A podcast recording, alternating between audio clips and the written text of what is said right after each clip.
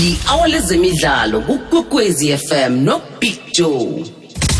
Fulela wanethwa Eh uma Mila uthi noma ke imidlalo emihlanu bangakathumbi nje batsho irecord lakhe lingcono khulu kunamanye ama coach akhona eSouth Africa anama UEFA Pro license. I'm not concerned, man. Uh, you guys, you, you must uh, do the stats. There are guys with pro license here. They've been here for how many months? Go and check their wins. They're not even close to me. Go and check. All pro license guys that are behind me. So uh, be honest to yourself, not to me, to yourself. Eh manje ke bekukhulunywa ukuthi hey madoda lo muntu uphethe nje ientry level kuphela isafa D license ucoach ngayo. Eh manje ke uthi "Ah, ngingcono kunabantu abaphethe ama pro licenses wenu lawo. Is there any pro license from number one to number nine? I don't think there's any. I know this thing. I've fired coaches when the, the results are not coming. Ngu Morgan Mamila azikhulumela ke eh lo mswa.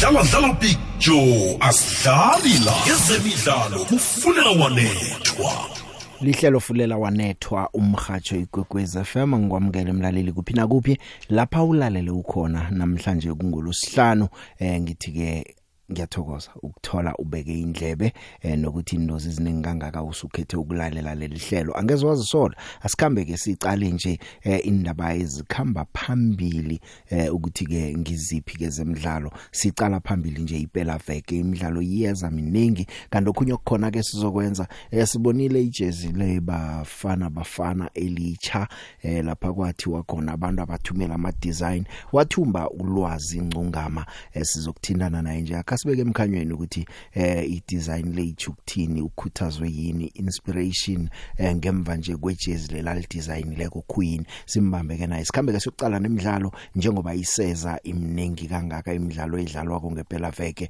Inemthelela omningi kangaka. Sundowns iyadlala nayo emidlalo weCAF Champions League ungakhohlwa ukuthi Marumo Gallants nayo iyadlala umdlalo weCAF Confederations Cup. Izolo sibonile iswalo singathi yabaleka ke lapha ke ku relegation eh, iyalibalekela izembe iswalusi. Asazi ke ukuthi lokho kuthi ukuthini. Fadlu Davids eh, kubudisi lapha ke kuMaritzburg United kuchipa United ulhloko lo lesiyema naye uthwele ubudisi hle imidlalo ikhona ke nempela vekele kanti ke nalapha kuMutsipe Foundation Championship kumbi ingchema ndathu eh kuzabe kudlalwa iphela vekele imidlalo yonke idlala ngesikhathi sodwa ngomgcibelo. Eh ke lamangisi khona angazi ukuthi ngiyibeke ngithini engakutshela khona ukuthi eh iManchester City na ingathumba umdlalo iyokuhlala eBerman bokthoma eh kubuya kungakholweki kuhle na ucala ukuthi eh iArsenal yakhe yadosa phambili ngabo 8 points kubonakala ngasuthi ke eh, iza kukhamba yodwa ithathe ileague. Kodwa ke esima South Africa siyazi ke nokho into nje thina sakhe sayibona ekhaya pha into njengale manje kayizusala kakhulu kodwa na iyenzeka kuko konke kokwenzeka ke lamangisi esengithusako indaba yesichema seEverton. iEverton ingazithola iphuma ina 69 years ngaphakathi kweleague iEverton ina 69 years ngaphakathi kweleague ekulu yake lamangisi ingazithola iphumile ingaphandle eh asazi iyokudlala. neLeicester City ngomvulo kumele ithumbu kubetshwa ngu4 betshwa iNewcastle eh kwenza ukuthi Everton ihlala lapha ku position number 19 nga 28 points. Eh bathumbe umdlalo wodwa emidlalweni elichumi yonke eh mayena abafuna ukuthi ba basebenze kumele balwe. iLeicester ingehla kwabo ina 29 points Nottingham Forest ina 30 points iLeeds ina 30 points. Nange bangabethwa iLeicester kuza kuba lapha ke nekandelelo elikhulu. Na uqala ukuthi imidlalo basayileleko bane Brighton ekukhambeni bane Manchester City ekhaya banesichema seWolverhampton Wanderers ekukhambeni mhlawumbe ke bazathi nabadlala ne Bournemouth ngelanga lokugcina eh kuzabe sekungasana balekelo asazi sezizinto ezikhona nje esizibonako eh, ebholweni eragwako mina nawe ke eh, sizozicoca zonke njalo indaba ezi eh, ngokuvunyelwa sikhathi. Sikhathi nasaleko sesase sithi fahla fahla lapha sidlula khona nawe sikuphe ithuba lokuthi koveze wakho amazizo eh, uqale phambili imidlalo ekhona iphela vekele. Ingasi nje ukudala baba ukuthumba kuphela. Sicale nje ukuthi wena na ucala kuqala ibonelo phambili kuza kwenzekani eh, ebe usiphena bonobangela abalokho kuchoko kuzosisiza kakhulu ke lokho. Imizuzu nje elithumi ngemva kwehour lesihlanu hlelo fulela wanetho umhajo igwegwez FM emnyakeni wamachumi amane wekwekwezi fm sisakulethela zemidlalo zisatshisa ngehlelo lezemidlalo fulela wanethwa. Dlala dlala picture asidlali la. Ezemidlalo kufunela walethwa ngithe siyokhuluma noRio Mabunda. Mabunda eh sesikhuluma emva kwesikhathi eside kangaka ngibona ngathi hawa eh nanje u- usatshelela ebholweni ngithi uqala incwadi zomthetho kuphela sowuphumile eh, usatshelela. Nakukhona engikuchileko kulama transfers mhlawumbe into boyicalile ukuthi mhlawumnye nayo kungaba kuhle ukuthi itshele umlaleli. Uthole ngeke ngibukile nalo ngibona ngathi mafike sina kule transfer ngaphandle kwe-Arsenal ne-Chelsea. i-West Ham isayine Danny Ings ukuya ku-Aston Villa. Ngicabanga i-front three ye-West Ham na ucabanga ukuthi kuna- kuna Bowen kuna kuna Antonio Valencia bese kuba na Danny Ings ishap kakhulu kule season i-West Ham noma idonsa amadima manje labadlali laba bangahlangana nabaphambili ma-proven goal scorers bonke labatabona ukuthi i-West Ham isuke la ikhona khona ingahle futhi ibe ku-top eight. Funela walethwa indaba ezimnandi eh zivela ngehlangothini lezogijima lapha kunomsana la eh uJoel Siminya ngokhabo caster kazi uJoel Siminya naye uyagijima.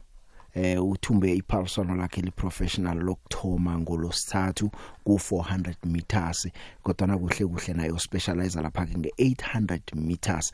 Eh ugijima kuMasai Athletics Club okuyisichema sabagijimi esiphethwe nguye uCaster Siminya una 23 years lo msana eh ungomunye wabagijima abamachuma amathathu ababandulwa nguCaster Siminya bazibandulela la ePitori. Ke sizwe ngaye uthi ufuna ukulingisa udadewabo abenze ngcono kunaye nange akhona igama elisilibambeni nguJuel Siminya A no, it's not easy. is going to get Yes. the medal. You know Ladies that- and gentlemen, I didn't believe that I can make it. medal, I was running before, Dumont. lot of races. And So, I just get there and do what's best for me. Yeah. I just see myself coming back on straight and I, I notice that I have a strong finish. I will make it to the to the finish. I just hoping for the better time to come when I'm training. I believe in my coach. I believe in my family. They are very supportive. Limpopo, Amazala. My coach is Casta. Siminya. And my PP, I run it here in Posh. Yeah, I'm motivated. He's my- not an easy person. He's a very strict person. He doesn't need nonsense and stuff. You have to be di- disciplined and know what you want. Emnyakeni wamachumi amane wekwekwezi fm sisakulethela zemidlalo zisatshisa ngehlelo lezemidlalo fulela wanethwa ya noma kangazwakali kuhle umuntu usuthi aqeda ukugijima nje angakadosi nomoya bamphose ngemike emlonyeni bambuze imibuzo eh ngikho ke lokhu umzwa umswa aphefumulela phezulu kangaka. Eh ngingakayi ke ezinye indaba eziningi eh, ngisaqale indaba nasi yejezile bafana bafana. Enkundleni zokuthindana ngiyacabanga ukuthi abantu balibonile ijezeli eh li sponsor yile Cox Sportif. Eh izolo ngeFreedom Day balikhiphile lodwa ijezi amanye bawakhiphe namhlanje. Ukhumbula ukuthi abantu abaningi balila kakhulu ngejezi elalimbethwe unyaka opheleleko le bafana bafana. Eh bachoke ukuthi hayi khona mm, mm, limbi. Eh manje ke bathoma ke bathi yong ama designers nje umphakathi awuthumele. Eh bathumela ke abantu bathumela kwaba nama vote ulwazi ngcungama eh walithumba ke leliphaliswano eh ngama submissions wakhe wejezi. Lithumbile ijezi? Angazi ukuthi wena ulubone njani ijezi. Eh kodwa na ke okukhulu nje ongakucala kukhona elinye lisikhumbuza isichema eh, sango 1996 ke sathumba lapha ke iAfrica Cup of Nations. Eh angiriyadi ke senginaye ulwazi ngcungama. Lwazi ngiyakwamukela emhathweni kwekwezi FM yeche baba? Yebo ninjani baba? Yes, philile. Ngibingelela nomphakathi. Siphilile lwazi eh siyacabanga nje ukuthi ujabule ujabule ujabulela kukhona. Hayi ngijabule angazi ukuthi ngisaprocessa kumanje. Akukabe kwehla kuhle ne? Hayi angicabangi ukuthi kuyohlala manje kuyokwehla ngenyanga ezayo. Siyakuthokozisa eh lwazi. Kodwa ke nje ngifuna sitshele umlaleli ukuthi ulwazi ngibani ngoba eh baningi abantu abathwela amehlo nje ukuthi ngubani ke umsana udesign ijezeli? Ubuyapi kuphi? O igama ulwazi ncungama wase KwaZulu Natal eh Potchefstroom endaweni yasegcileni mm. Lwazi i- i- ukudesign okukuyela esikolweni noma kuyinto nje osozifundise yona wazenzela wazenzela namtjana kwenzekala yebo hayi ulukhuzana uthando nje lo- la la ulukhuzana ukudesigna nako ama amajezi ebhola. Then ke ngabe se ngiloke u- uthando lu lenza u- ufuna ukuyazi leyo nto le ngagcina ke ngisifundise kanjani Siyakuthokozisa namhlanje uthumbile eh sithi asibize wena uzosichazela ngamajezi wakho. Eh elikhitshwe asithome ngela izolo elikhitshwe ku celebrate i Freedom Day ukulijezi elikhumbuza abantu abaningi eh u1996 ake usitshele nje ukuthi inspiration behind ukudesigner lela jezi kuyini o njengoba bosoke wa- wachaza li-inspire wona ulikhuzana u-96 nakho ukuthi amantombazana angithi ngonyaka ophelile awinile ilikhuzana indebe le yase-afrika. Mm. Eh so ukuthi ngicabange ilikhuzana kulo line lokuthi ngenze into ezokhumbuza abantu nako ezocelebrate lamateam omabili Ngibona ngemva eh na ukhuphukako uya lapha entanyeni kuno map weAfrica kunema stars lapho. Awukusitshele ukuthi athi ukuthini. Yebo asho khona uku- ilikhuzana istar sokuqala ngithi lesi sango-96 sa- sa- sayibafana bafana mm. Then ilesi sesibili sicelebrate wona a- amantombazane la awinile ngonyaka ophelile iwina i-afcon lihle ijezi. Alternative kit le yihle eh, lwazi mina lapha ngikhona ngiyibona njalo. Angazi wena uthini? Hayi ngi- ngibonga kakhulu. Hayi nami ngiyithandile ngale ngendlela ephume ngayo nje. Ngisa- ngisa- ngisathokozela namanje. Namhlanje ke aphuma amanye sathola ihome kit le eyellow. Eh yona ungakho usibeke emkhanyweni ngayo ukuthi ufike njani la uzakwenza ijezi elinje o leli liyelo ilikhuzane ili-home kit angithi i- ama ama-colors awama-national team kuvame ukuba yiwona uyellow no-green. Mm. So il- il-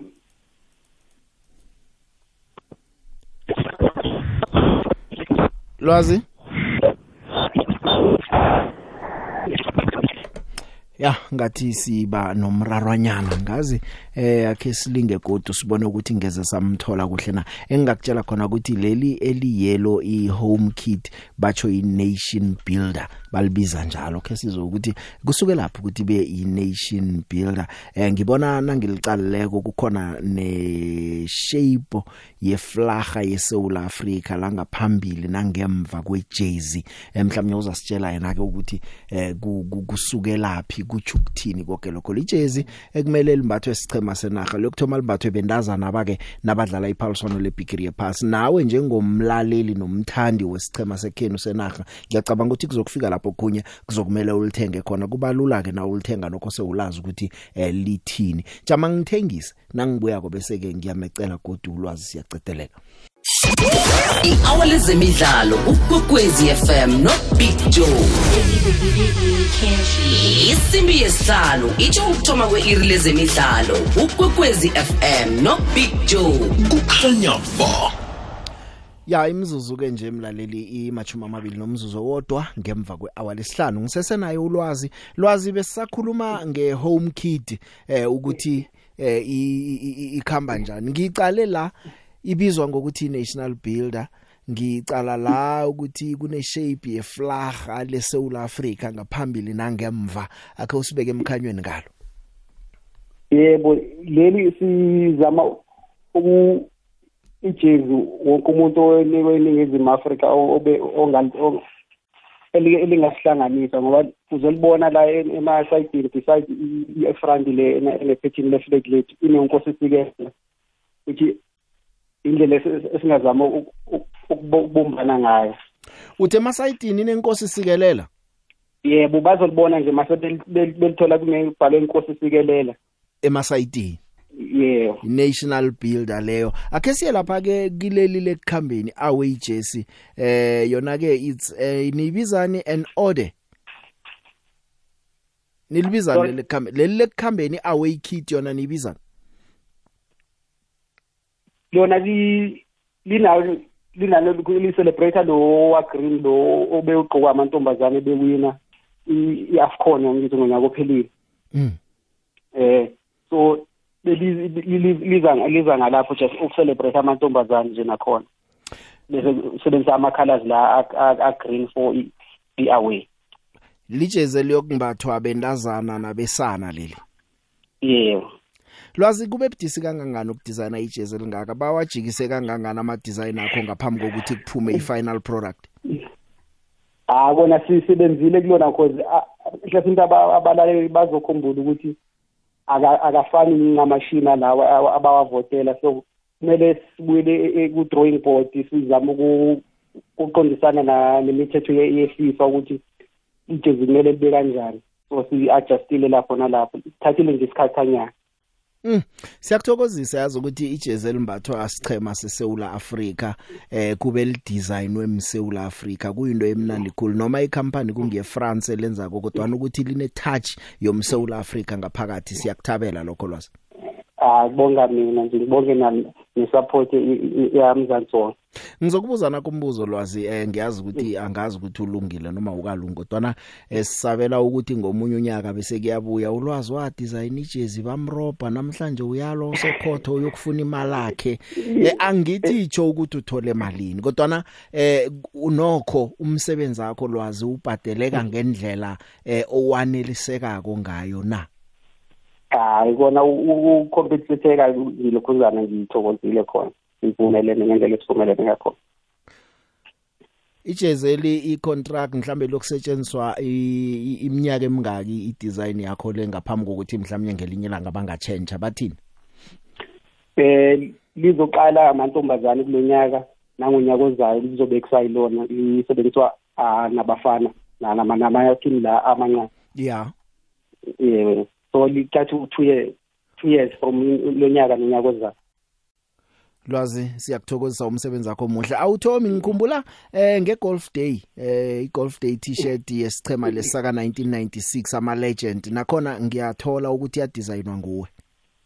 Yebo ba kwakuwa ama-organizer e-ghost day ezohlanganisa ama-legend. So kwachama u-organizer wakhona wathi ngifuna ngibenzele into ethizini so nabo ngabeyenzela-ke kwakuyelokuqala nqa kuzana ijezi lami ngilibona lenziselela lwazi ama design wakho uyawaposta ku social media njalo njalo. Omunye umuntu ofuna ukukulandela mhlawumnye ukhona naye ohleziko lapho uthi mani i team yami ulwazi ngathi angasidesignela bakuthola njani abantu abangafuna nje ukuthi ngelanga basebenze nawe?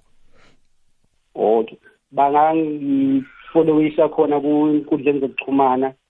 Angazi inamba noma ngayi- ngayibiza yini. But ilokhuzana for u-whatsapp uma ukuthi kunento oyicabanga for ezibhizinisi ungayibiza inamba usitshele nama handles wakho enkundleni zokuthindana okay inamba ithi 071 071 96 96 777 777 59 59 yebo kulapha abangakuthumela khona iWhatsApp nabafuna ukuthindana nawe. Yebo yebo. Enkundleni zokuthindana enkundleni zokuxhumana u at freeway at d. @freeway art d ekugcineni. Ekugcineni. Eh ku Twitter lapho or ku ku, Instagram u-twitter lo nana Okay. u-instagram. Eh ku- ku-facebook bangangithola nje lwazi ngingabo. Lwazi ncungama utholakala lula njalo. Yeah lwazi siyakuthokozisa ukuhle kodwa nakukhona okhunye ngelinye ilanga siza kubuya kuwe. Kwanamhlanje eh siyathokoza ukuthi nokho abeswa bekhaya ingchema zekhazi yokumbatha ijezi elidesignwe eMsouth Africa alikadi ngoba amanye la nokuthi adesignwe ngibani besingawazi bese sibona abantu bambethe. Kodwa nje sesiyazi ukuthi lidesignwe ngibani lwazi. Hayi kubonga mina. Aha ke ngulwazi ingcungama eh o design ijezi olubona ligcwele kangaka enkundleni zokuthindana eh ama reviews mahle baningi abathi siyolithenga abanye bakhetha leli alternate kit elikhumbuzo 1996 abanye bafuna home kit abanye bafuna elihlaza. Eh uyazi ke ukuthi asizokuthanda into efanako eh sibabantu ngolwazi othumbileko kuleyo competition wal designer ke. Nase ngiya ngaphakathi kwetatawu ke eh imamelodi sundowns kumele icedelele sicale lokho idlala ne CR Belouizdad eh badlala la eLoftus. Sundowns ku control dosa phambili nga 4-1 eh kanti ke umdlalo uzawuphethe ngusofengwana weMauritania uAbdel Aziz Mohamed nguyoza basiphathele umdlalo loyo. Abayokuthumba ke lapha eLoftus bayokucalana nozokuthumba phakathi kweSimba eh, nesicema seWydad esizinkutane ezivikela unongorwana zeCAF Champions League. Urulani mkwana uDiong ingceme ezifana nabo Real Madrid ezikulu le ku Champions League noma azuthumbile umlenze wokthoma azigedlisi naziya kowesibili. Nabo abazukugedlisa. Uveza nokuthi Pelosdat isicema esicinile kuyakukhombisa ngaphambilini. Ukhumbula isicema seAlgeria sabetha isannounce ngo2 not ekhaya kuma group stages wango 2021 eh, ngemva kokuthi ke eh, eSouth Africa bababetshwa ngo51 Two years ago, we played the very same football club. Okay, of course, uh, not, not with home ground advantage, but played them in the, the group stages and we beat them. But they came to Pretoria and they, they beat us. So we, we know that they are, they are a team that's, and there's only two teams that have done that in the Champions League. Uh, and they are one of the two. So, so we have to know that they can beat us and we have to be at our best. Two years ago, we played the very same football club Okay, of course, uh, not, not with home ground advantage, but we played them in the, the group stages and we beat them. But they came to Pretoria and they, they beat us. So we, we know that they are, they are a team that's, and there's only two teams that have done that in the Champions League. Uh, and they are one of the two. So, so we have to know that they can beat us and we have to be at our best. Ya injalo ke ngurulani mkwena. Kanti ke isimba nayo umdlalo wesimba nesichema seWydad uyafuna nje ukuthi ucheche sima South Africa ukuthi ukhamba njani. Eh isichema seMorocco iWydad ngiso esivikela unongorwana eh siyasibona nje. Eh, isimba idosa phambili ngo 1 not kodwa manje iyokudlala lapha eMorocco. Nangumbanduli wesimba uRoberto Oliveira eh, uthi bacho bawulungele umdlalo loyo. This afternoon, I go try, I go decide with my technical staff uh, my strategy for this game. But uh, I think a good opportunity for repeat the same, uh, the same performance. You know? Consistency of positive result is very important for us. I believe too much in, in God. I believe too much in my players, in our talent for this game. Ya eh imidlalo ke seyiyoke ke eh, namhlanje iWydad idlala neSimba ngo10 ebusuku ngomgcibelo iMamelodi Sundowns neBellows that ngo4 eLoftus iRaja Casablanca idlala neAl Ahly ngo10 ebusuku iEsperance neJS Kabile eh badlala lapha ke ngo10 ebusuku nabo. Kanti Marumo Gallants nayo ke umbando labo Raymond Mdaka eh uthi man eh bazokusebenza ngamandla bangajugulula izinto bathumbe. Badlala ngo1-1 bebadosa phambili man. Eh kwathi umdlalo sowuzokuphela isicema se Pyramids sathola ipenalty bona ke bokudlala lapha eRoyal Bafokeng Stadium eh eh Northwest.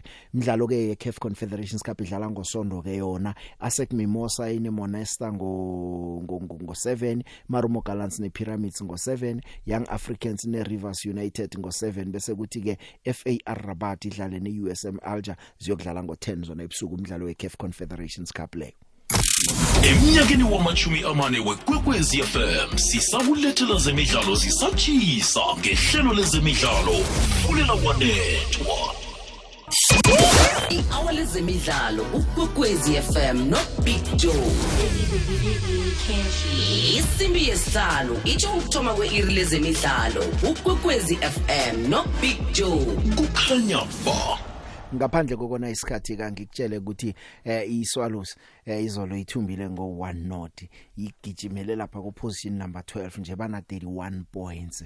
Eh ya sasitsheja kade sithi wabana 30 points usafe. Nabo ke mhlawumnye nge31 lebase safe kodwa na ke asazi ziminyane ekhulu ingchema kusuka lapha ku number 9 ukuyale ku number 16 Musa Nyatama ke uveza ukuthi abazukugidinga nje batsho balinde ukuthi mhlawumnye ke kudlalwe nabo Kaizer Chiefs aba nabo Royal AM nabo Marumo Gallants midlalo baseleleko leyo ibdisi hle kanti okunye ke uphendule nendaba eh kwathi nakubanje umhlangano kusafa kukhulunywa uyi technical director la uSteenbok Walter Steenbok akhuluma ngababanduli ukuthi mde bathole impepha fanisa nabanye abanganazo nonyatama lo wambala lapho. Uyayiphendula nayo leyo Musa.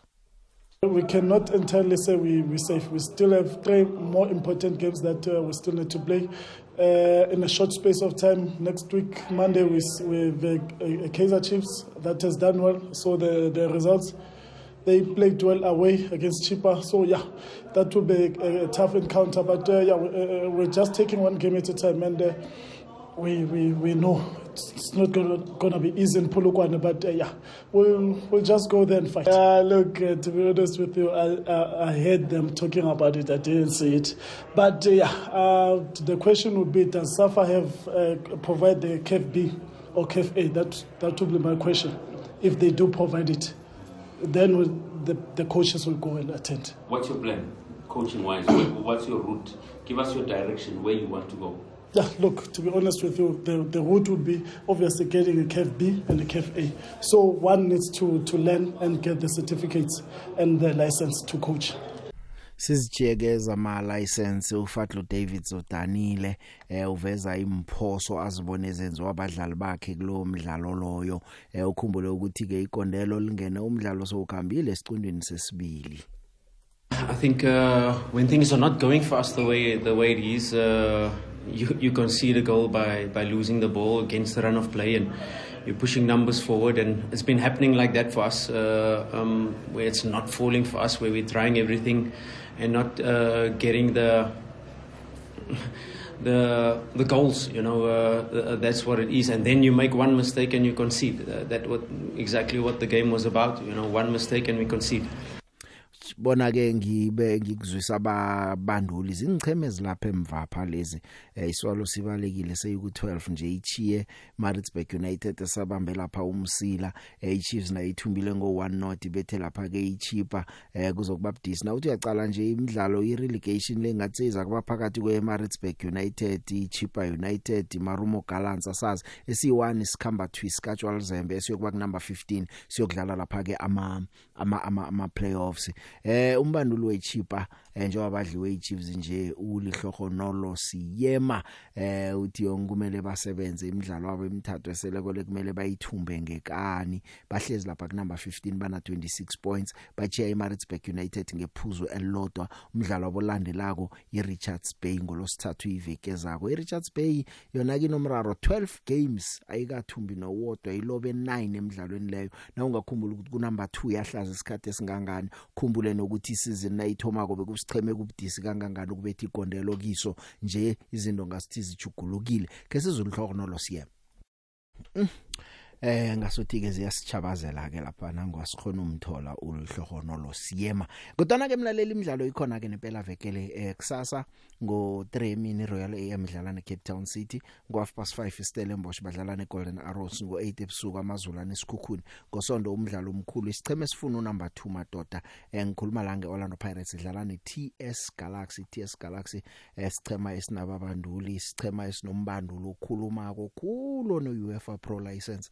Eh umbanduli wesicema seTS Galaxy. Izolo phamwe izolo kokubeka sakhuluma ukuthi ama analyst wekaya ngathi wayazi ibhola wakhamba ukufuna lapha ke ama coaching licenses. Eh uyazi ukuthi kilezi ngichema umbango ungangani kwakhe kwasunduzwana kabhlungu ngelinye ilanga lapha eOrlando. Kuthembisa ukuthi kuza kuba umdlalo eh omnandi umdlalo obudisi eh lapha ke umdlalo esizabe siubona lapha phakathi kwaso isichema ese TS Galaxy ne Orlando Pirates ezabe zidlala lapha ke eh, embombela ngosonto ngomvulo ngo3 iKaizer Chiefs ineSwallows. Kaizer Chiefs nayo isacothele ukuthola isport saku Carrefour ithola number 3 or ithola number 2 eh uAthazwana uthenya nenye into ingenzeka badlala neSwallows nayo engathi na ithumbe lomdlalo bese iyatsho ithina ngambala eh sisindile. Eh TS Galaxy lapha ku number 11 Orlando Pirates ilapha ku number 3 eh sengibuyela nje kancane emidlalweni lo engiwu chechewe ngosonto ngaphanga ku eh Mutsipe Foundation Championship eh sicale imidlalo ezoba mnandi khulu amehlo ke ke nje. Abanye baqala relegation abanye baqala promotion.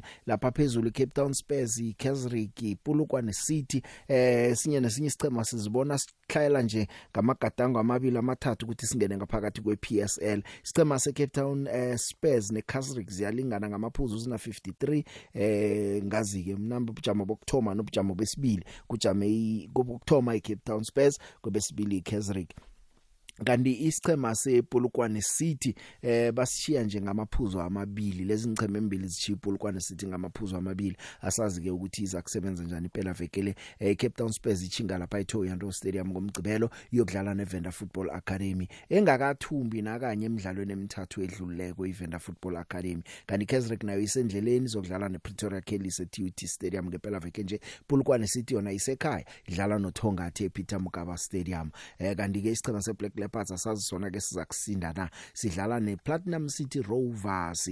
Eh nayo ifuna ukubalekela izembe. iPlatinum City Rovers ikunumber 14 eh bachiya isichema seBlack Leopards ngamaphuzu amane kuphela. iTTM ngehlezi ku number 15 yokudlala neHungry Lions eSaramabhudu Stadium ngomgcibelo. Ithumbile yabetha imagesi veke phela kungo 2 not iTTM asazi ukuthi izakwakhela kulokho na bese iyabaleka ngoba ngale eh ku Mutsipe Foundation Championship eh vele ziyakhamba zikatshwa lizembe ingchema embili. Sibone ukuthi kuma playoffs kukhuphuka ziphi ingchema ngisakhuluma ngama playoffs eh, isichema seDondolo sithumbile ku stream se ABC Mutsipe League yala eGauteng. Kaningale ngakumpumalanga isichema semlambo Royal Cups ngisho esithumbileko ziyokuya kuma national playoffs. Engingawazi ukuthi azokubani nama national playoffs. Imidlalo seyonke ke ye Mutsipe Foundation Championship Venda Football Academy ne Cape Town Spurs kusasa imagesi ne Baroka eh, iPretoria Kellis ne Kesrick Stars Platinum City Rovers ne Black Leopards Polokwane City no Thongathi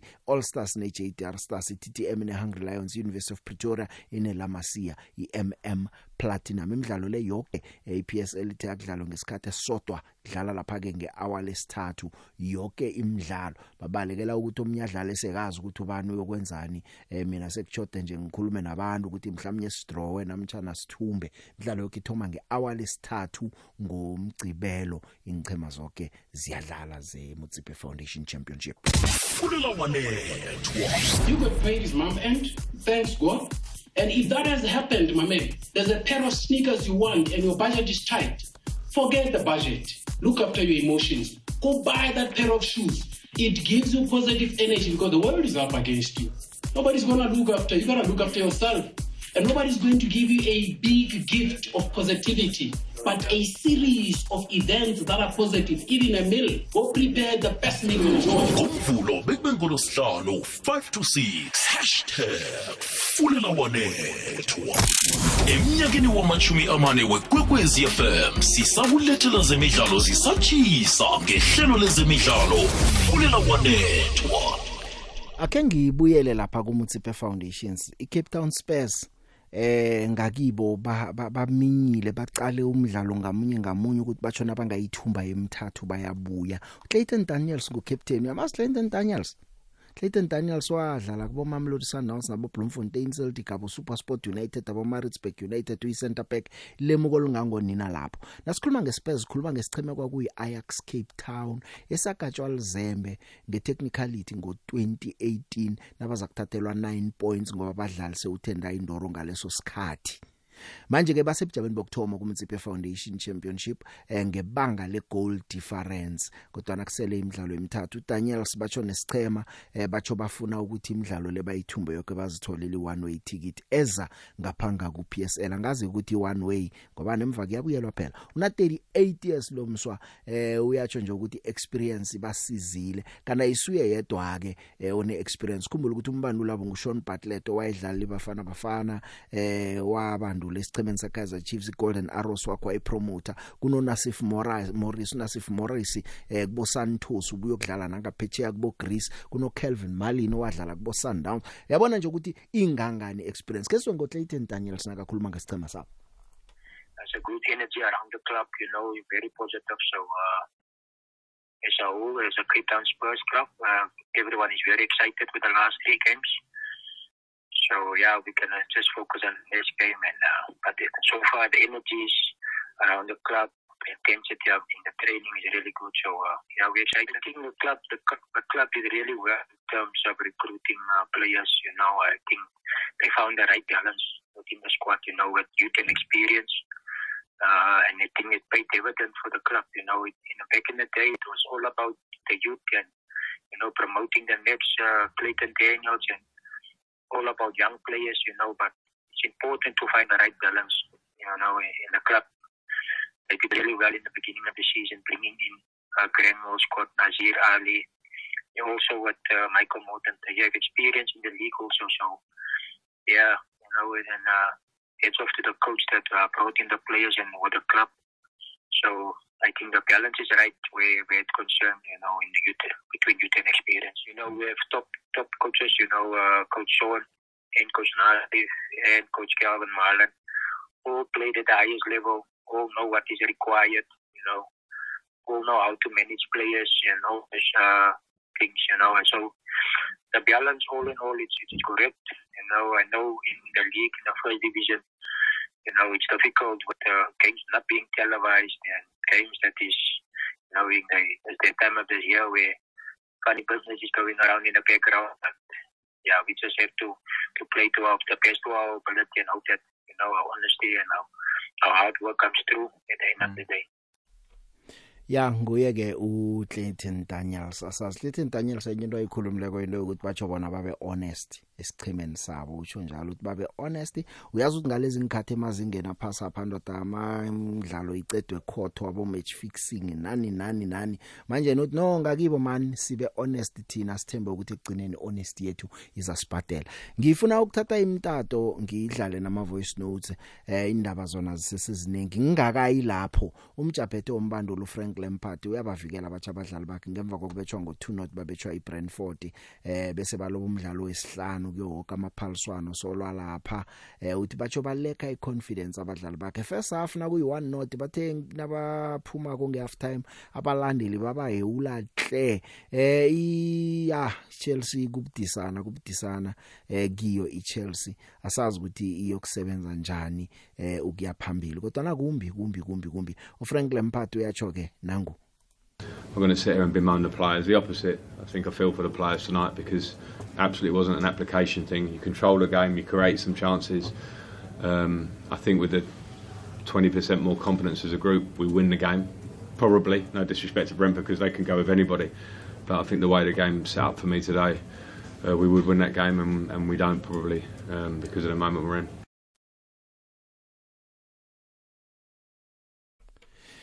Ya ngazi na umlandeli Chelsea kuwe kuthini. Eh izolo sibonileke iTottenham ilwa ngamandla ibuya seyiza ngemva eh go 2 not draw ngo 2-2 nesichema seManchester United. iNewcastle yona kenge yizwe eh isichema seEverton lapha ke second half bayibetha lapha ke ngo 4-1 kanti phela vekele sicale nje ukuthi eh, nange ingathumba iManchester City eh, izokuhlala ku number 1 imidlalo yephela vekele lapha ke lamangisi eh, kusasa iCrystal Palace idlala neWest Ham eh kuthi lapha ke iBrentford idlale neNottingham Forest Forest iBrighton idlale lapha ke neWolverhampton Wanderers eh idlalo yango 2 leyo. Eh ngosonto eh kuzokuthi lapha ke isicema seBournemouth silale neLeeds iFulham idlale neManchester City eh isicema seLiverpool sibe neTottenham Hotspur Manchester United ibe neAston Villa Newcastle neSouthampton. Ngomvulo iLeicester neEverton umdlalo uzakubabudisa ihle bese kuthi ke ngolosibili sibone lapha ke isicema seChelsea eh sibambene lapha ke naso isicema seArsenal.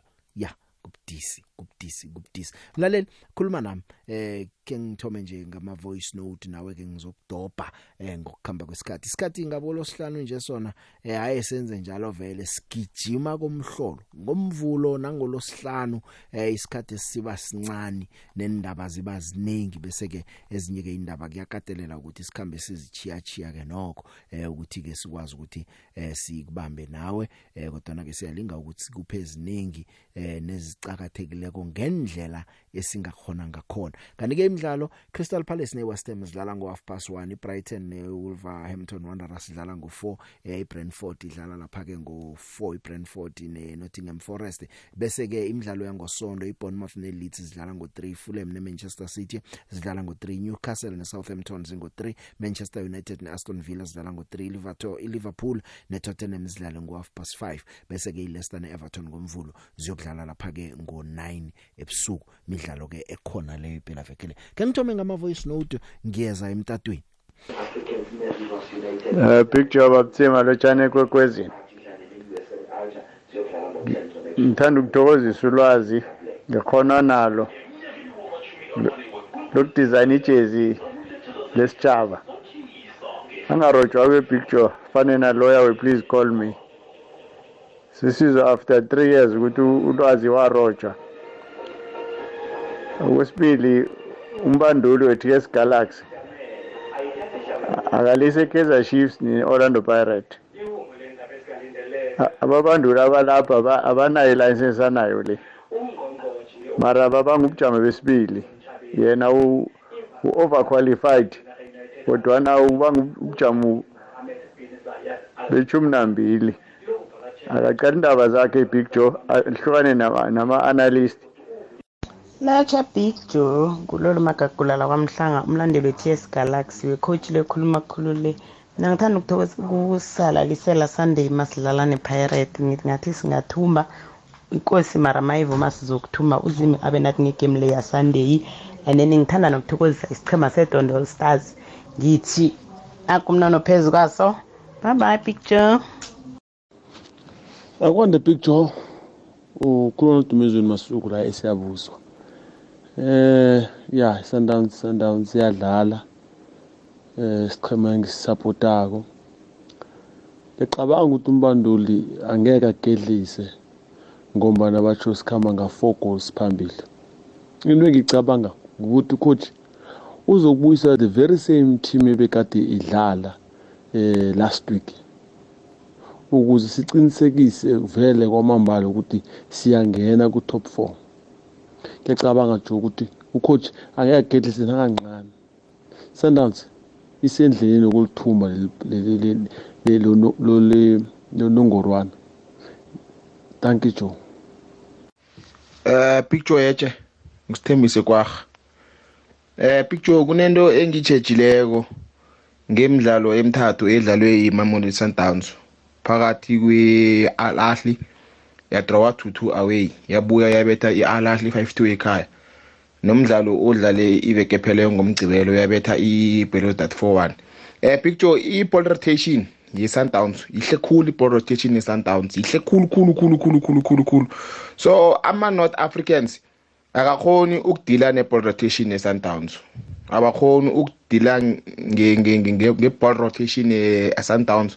Ne-second ball Sundowns i-strong khulu ngama-second ball naku-blind spot naku-blind spot ihle khulu i-Sundowns ku-blind spot nangathi uya-checha amagolo kashalulile ngomningi uwakora aku-blind spot ene amabhola akhona ngomningi abuya kuthembazwane neomayema kutsho ukuthi abaphethe ibhola once bangangena ku-aquad position they know ukuthi upeter shalulile khona kulasipolo kula ababetha khona ngomningi so nge-ball position. Isa nge nge-ball position ne-ball rotation. I-sundowns inethube elihle khulu lokuthi ingayithumba ilo kanje le ikhefu le. Ngiyathokoza. Sithokoze ihlathululo. Ya abantu imibuzo vane ke ngiyibone ukuthi Sundowns kodwana ingchema ze-North Africa ezikuba yini izibetha bulula kangaka iyazibhalela nangumlaleli uyasitshela ukuthi bababethelana bababetha njani Hey Big Joe. Yakulotshisa nokujeje. Ya Big Joe eh ngifana ufisela isichama semaruma Gardens ne Sundowns. Wangathi singawina ama game lana eh but ngiyakhala man imarumo ngabe lethe bathathele game bayisa eFree State.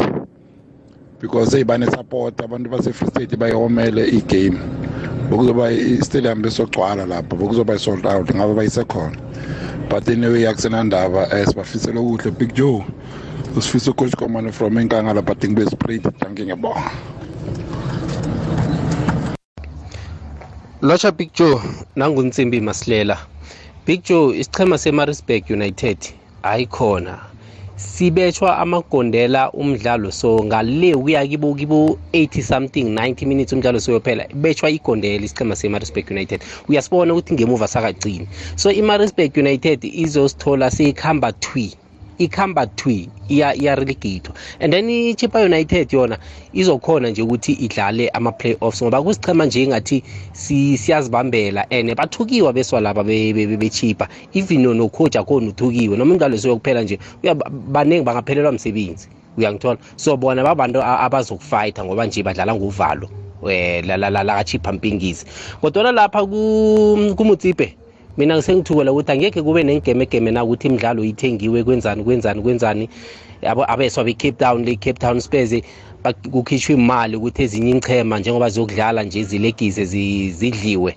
Eish inda- indaba zalapha kumdziphe lapha ey big joe ngazi. Kodwana ikesrick ne-cape town spurs ezokuhamba iyethu ku-dstv izokuhamba nge-goal different engathi hlakaniphile. Ngiyathokoza. Ya no nathi siyathokoza kodwa nosungirara na uthi hey akuzokuthiwa beswa be-cape town bakhipha imali la. Wasewasola be-cape town ingichema zindathu ezibanga iligi kuba yini sekuthiwe mhlawumnye eh, nakuphuma imali kunabathenga abanye usuthi abeswa be-cape town? Ya sithemba ukuthi into enjengaleyo khona angeze yaba khona. Ngicabanga ukuthi PSL ngokuthi imidlalo idlale ngesikhathi esisodwa yonke ilwela ukubalekela into ezinjengalezo. Ngokufikela ngalesikhathi indaba zikho singazi nasekuphela ileague ukuthi asizokuzwa batsho laba benzani benzani. Kodwa na kumbi nje ethana bekukhoneka bekuza kumele imidlalo le ivezwe nakumabona ukuthi television yonke isikhulukhulu yalezi ngichema endathu siyibone yonke ukuthi sikwazi uba bufakazi. Imzuzu is il- imhlanu kokwakho ngaphambi kwehour lesithandathu. Angidobhe umlaleli emtatweni. Usemoyeni yetshe the big yetshe nomlaleli kokoze FM alfred yetshe ngam the big ngiyaphila baba kunjani? Hayi ngiyaphileka man. The big eh, umdlalo mkhulu khulu kusasa i-sundowns udlalo lofstars the big cabanga ukuthi urulani mukwena angagelisa nakananani nekhona ukubetheka amakondelo akawabethe the big inkapa zangane ngaphesheya the big zisinyaza kakhulu isimangelo sundowns mara nje yakhombisa ukuthi la e-south africa ibholo ikhona the big ngiyathokoza waphula nokhuluma no-alfred angisho ngiyathokoza. Usemoyeni?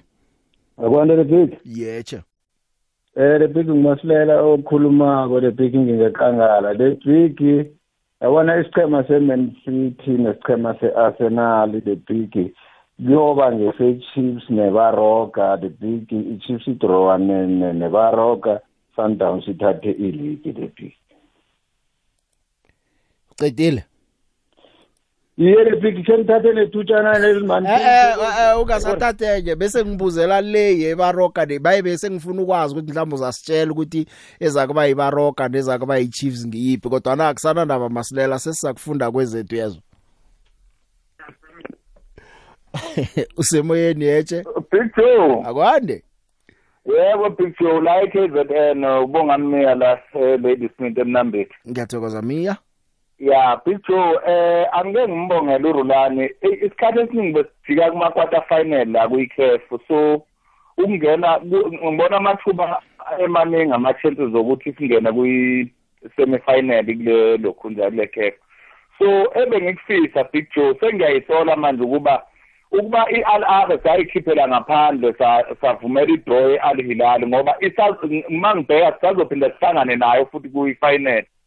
We-big joe Wo- u- Bese u- ngithi-ke Mm. Eh miya ngifuna ukuzwa kuhle. Uthi ukuthi nizokudlula la niyokudlula na ku Wydad bese niyokuhlangana neAl Ahly phambili. We-big joe ngibona ngathi ilo i- isimba iyadlala ngithi yagcine winile kwi- kwi- kwi-widad. First round iwine 1 not ya nje Ya, i- eh, ichinge kwi- Morocco ne 1 not hayi uma ingafika idlala idraw ngale mina ngifisa iphume wayidad ngoba yiyona esisikhiphe two times.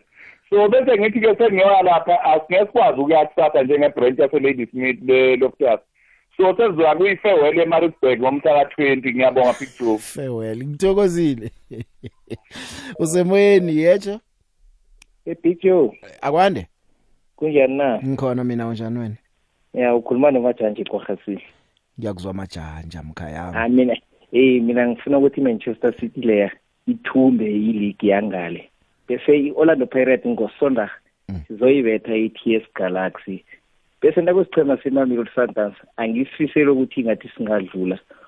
Ucoach yabo loya ukhulume ngenye indlela wathi i-netbank akusiyikhapho elibalulekileko ngokuthi kusele i-pirate ne-chiefs no mhlambe azange yazi ukuthi a- abakutsho ukuthi akusingele balulekileko nayo uyazi iNetbank likhaphe elikhulu elidlalelwa yiSeula Africa yonke A- alidlalwa zinchema ziphi? eSouth Africa yonke zonke inchema zidlalile. Na uthumuleko vana uthumba ikhaphe elikhulu iFA Cup yeSouth Africa mfo? Angisho ngimzwe yena athi akusiyikhapho elibalulekileko mhlambe ucho ngokuthi ucho iMamelodi kibo Sundowns ucho igcwele. ucho kibo njengeSundowns. Ukuthi bona kiba likacakathe kukhulu noma baphumile kilo nabathethe ileague bagijimisa neCham- neCAF Champions League eh kibo kulungile yaba nakuyi-ts galaxy eh big joe.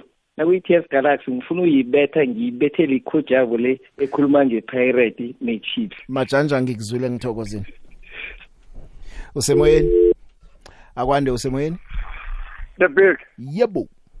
Eh umakhosi onkenyandeni kwanongoma wabo. Ngiyathokoza nyandeni yeah eh the big ngizoqala lapha ku-coach we-ts galaxy. Eh ngiyamhlonipha futhi ngiyayithanda ibhola edlalayo. Bese ngithi kodwa kulokhu akushoyo ukuthi amathimu sengaze kukhulunywa kakhulu ebanga unumber two.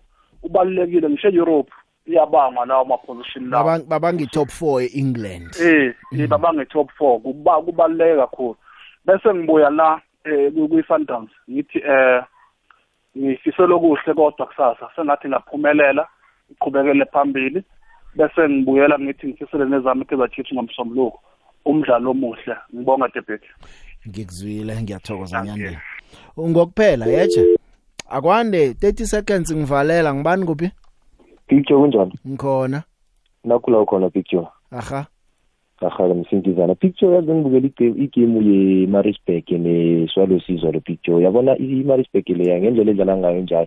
Njanje vele ayisengezi idlanza ikhamba straight. And then ichipa le izasise idlala ama-playoff. Mara mina ngiyakutshela ithile yokudlala ama-playoff ayiyokubuya ize ngapha picture. Nayo yokulandela i- i- i-marisburg leya ngale picture. Ngoba iingichema ezikhona njanje ezokudlala ama-playoff between kwe kwe-castrake or ipulukwane or i-cape town leya yi- I- I- like i-team leya ngapha ayi- ayizuzibetha. Ngikutshela iqiniso picture Ngizabuya thokozile ngikutshele. msingizana ungivalele uzangitshela ngelinye ilanga. Ahake mlaleli iphela veke ayibe mnandi kizo zonke indawo lapha nilalele khona. Nginichiye ezandleni ezifuthumeleko zakasibusiso